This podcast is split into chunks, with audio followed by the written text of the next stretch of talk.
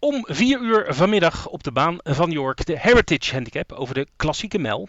De winnaar toucheert 60.000 euro. Nelson Longshot heeft gewikt en gewogen en hij ziet winnen Astro King, twee starts geleden, erg sterk op Royal Ascot. De laatste maal was de afstand een beetje te ver voor hem. Hij is nu weer terug over de mijl, zijn geliefde afstand. Ryan Moore was drie weken geleden al geboekt, dus mijn volste vertrouwen in dit paard. Danny is in topvorm, maar nu wel met het hoogste gewicht. Dat wordt een hele opgave. En Amethyst met een heel laag gewicht en voor het eerst over de mijl van over 1400 meter. Interessante koers. Ja, dankjewel uh, Nelson. We gaan het zien of je het uh, bij het rechte eind hebt met Astro King. De Heritage Handicap begint om 4 uur. De race kan je live zien en spelen op zieturf.nl. Succes met je weddenschap.